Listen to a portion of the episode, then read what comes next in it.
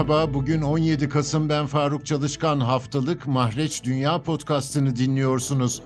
İran'da protesto gösterileri bir genç kadının gözaltında öldürülmesinden beri tırmanıyor. İran devletinin protestolara verdiği karşılık batılı ülkelerin İranlı yetkililere yaptırım uygulamasına yol açıyor.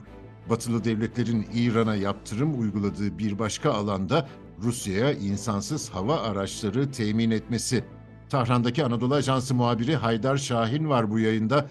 Haydar yaptırımların ayrıntıları ve İran devletinin buna ne dediğini merak ediyorum ama önce süreci baştan anlatır mısın?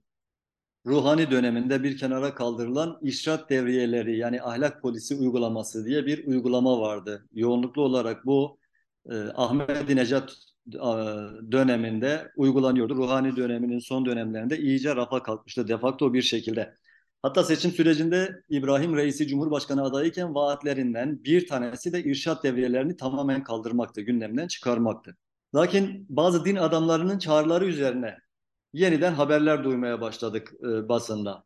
E, başörtülüsü takmayanların ya da hicaba uymayanların metrolarına alınmamasına dair e, veya sosyal yaşam alanlarından dışlanmasına dair öneriler e, sunulmaya başlandı. Bunun neticesinde bu yılın başından itibaren yani İran e, yılıyla 21 Mart sonrasına denk geliyor bu. E, irşat devriyesinin uygulamalarına dair tekrardan haberler duyulmaya başlandı. E, işte irşat devriyelerinin uygulama yaptığı, metrodan çıkışlarda insanları kontrol ettiği ve onlardan e, hicaba uymalarına dair, taahhütte bulunmalarına dair e, haberler çıktı.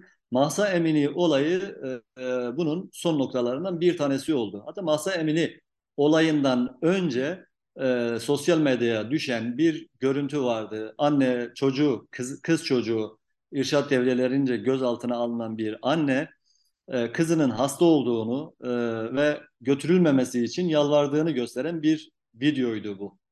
Bu videoda annem minibüsün önünde duruyordu, ısrarında devam ediyordu Yalnız dinlenmedi, ezilmesi pahasına yani neredeyse eziliyordu. Kızını alıp götürdüler. Masa Emini olayı da e, Kürdistan eyaletine bağlı Senendeç ilinde ikamet eden aile Tahran'a ziyarete geliyor. Ziyarete gelen ailenin e, birlikte metrodan çıkarken irşat devriyeleri tarafından durdurulup e, Masa Emini gözaltına alınıyor. Gözaltı süreci şöyle işliyor. Önce polis, polis kaydı oluşturuyor. Daha sonra başörtüsünün gerekliliğine dair seminerin verildiği bir salona götürülüyor. Masa emri de aynı uygulamaya tabi tutuldu. İran devletinin yayınlanmış olduğu görüntülerde gördüğümüz kadarıyla sadece seminerin verildiği alana geliş görüntülerini gördük. Masa emini burada fenalaştı.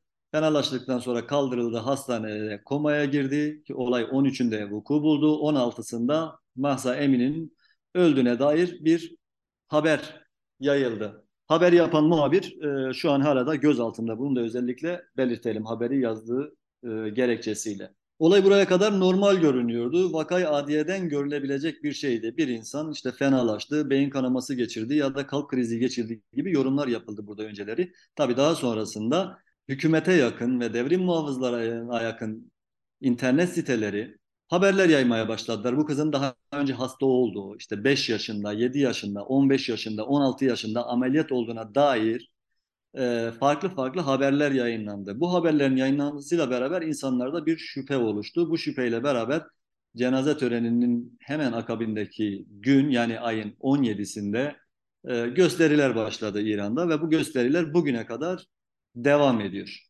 Yani toplumsal memnuniyetsizliğin ve ekonomik sıkıntıların arttığı ülkede Emini'nin hayatını kaybetmesi bir nevi memnun, e, memnuniyetsizliğin de patlak vermesinin başlangıç noktası oldu diyebiliriz. Şöyle bir şey var, gösteriler sonrası karşımıza iki resim çıkmaya başladı başörtüsüne dair.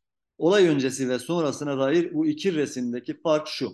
İlk resimde ahlak polisini gören kadınların sorun yaşamamak için yolunu değiştirmesini görüyorduk. Ya bundan iki ay öncesi için söylüyorum bunu. İkinci resimde artık korkunun olmadığını görüyoruz. Başını yarı örten ya da hiç örtmeyen kadınlar polis görünce yol değiştirmiyor. Aksine polislerin tarafına yönelerek yanlarından geçmeyi tercih ediyor yani.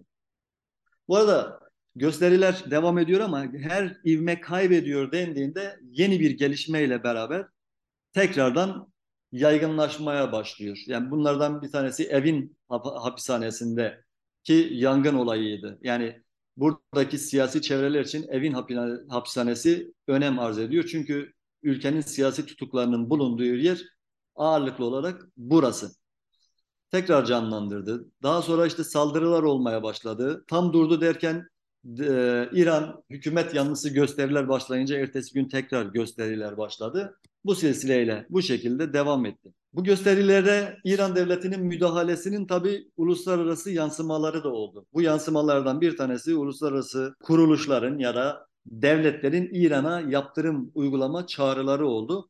Bu yaptırımlar ard arda geldi. Kanada'dan, Fransa'dan, İngiltere'den, Almanya'dan, Amerika'dan çeşitli e, yaptırımlar uygulandı.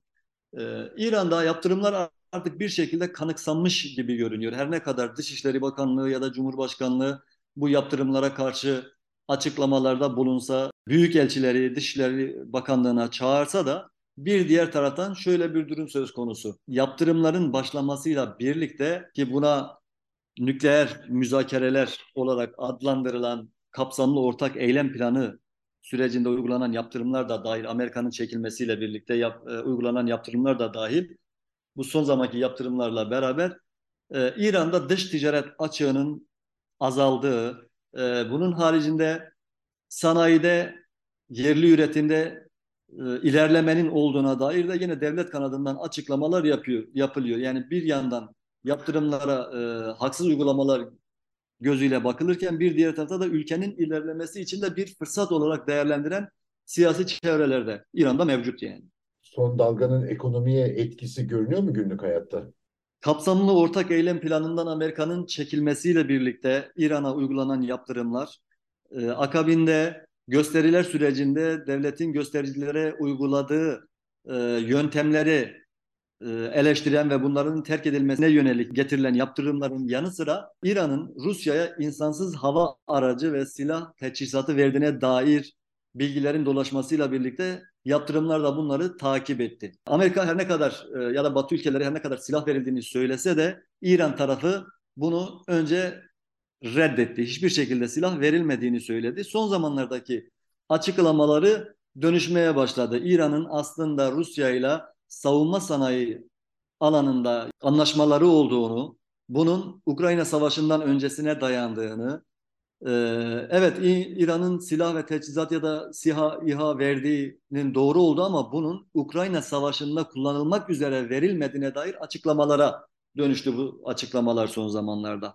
Ben merak ediyorum Haydar. Günlük hayatta e, bu irşat polisinin eylemlerine dair protestolar e, göze batıyor mu veya günlük hayatın aksamasına yol açan eylemlere dönüşüyor mu? İlk başlarda bu gösteriler sokaklarda belirgin olarak yapıldı. Gündüz saatlerinde yapılıyordu. Bu hayatın normal akışını zorladığı için e, eylemler daha çok akşamları yapılmaya başlandı. Mesela şu anda e, 2019 Kasım ayındaki %300'lük bir akaryakıt zammından sonra başlayan protestolar vardı. Ki bu protestolarda yani Uluslararası Af Örgütü'ne göre 304 kişi hayatını kaybetti. E, yerel kaynaklar bu sayının çok daha fazla olduğunu söylüyor.